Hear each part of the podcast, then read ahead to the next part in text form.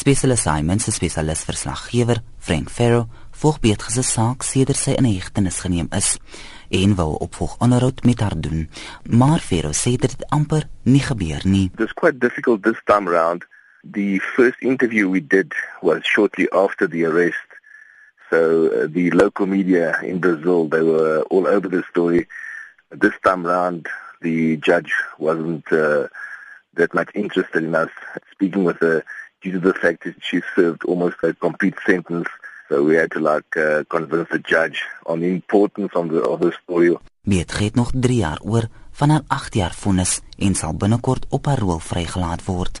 Sy sal haar parol in Brasilië uitdien, maar Ferro sê sy is nie gelukkig daarmee nie. The Brazilian system is quite a complicated system. It involves a period where the person is incarcerated in a jail for more than half of the sentence, and then they've got this open system, a parole system, where the drug mules are released onto the streets of Brazil. So for them, it's very difficult and very hard because they've got no documentation. So Tessa is very anti going out on parole. She says she prefers staying in jail where she feels so much more safer. Special Assignment het 'n gedeelte van Beetge se onderhoud aan Monitor beskikbaar gestel. Beetge sê sy het vir Cyril Kwele en die Nigerië Frank Nabelisa vergewe vir wat hy aan haar gedoen het. I've already pardoned. I've already asked God before. Please God pardon her. Frank, pardon him. But make them realize what they've done. What they've done was wrong. Don't allow them to do it to others. Help them to understand what they've done was wrong. Beet het haar twee dogters 5 jaar gelede gesien. Haar ma is onlangs oorlede.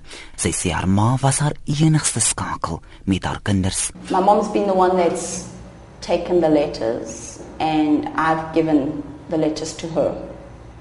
But for some reason my mom did not want me directly to write to them to the father.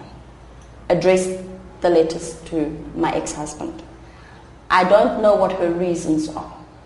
That reason I will never know. Maybe she would have left something which I will still eventually find maybe. I'm hoping.